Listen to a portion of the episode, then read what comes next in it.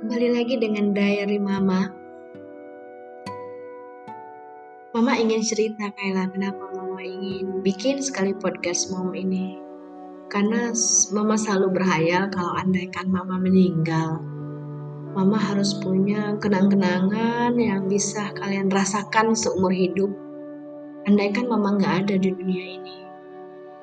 Dengan mendengarkan suara Mama dengan podcast ini, kalian merasa Mama selalu ada untuk kalian.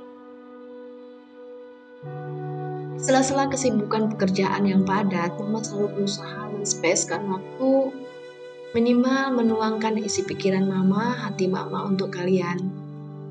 Jadi Mama ingin kalian mendengarkan beberapa hal-hal yang mungkin dunia ini banyak yang tidak tahu tentang apa masa depan, tentang apa masa lalu.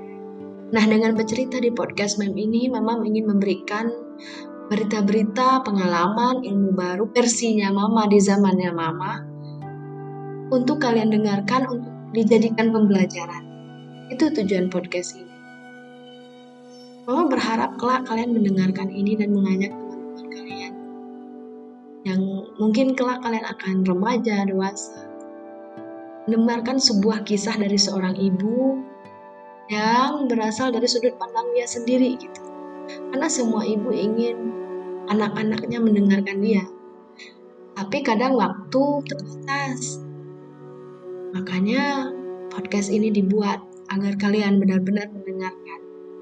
Baik itu berupa kisah, kasih, curhatan atau cerita ngalor ngidul, yang sebenarnya kita nggak sempat bersama. Tetapi dengan melalui suara ini,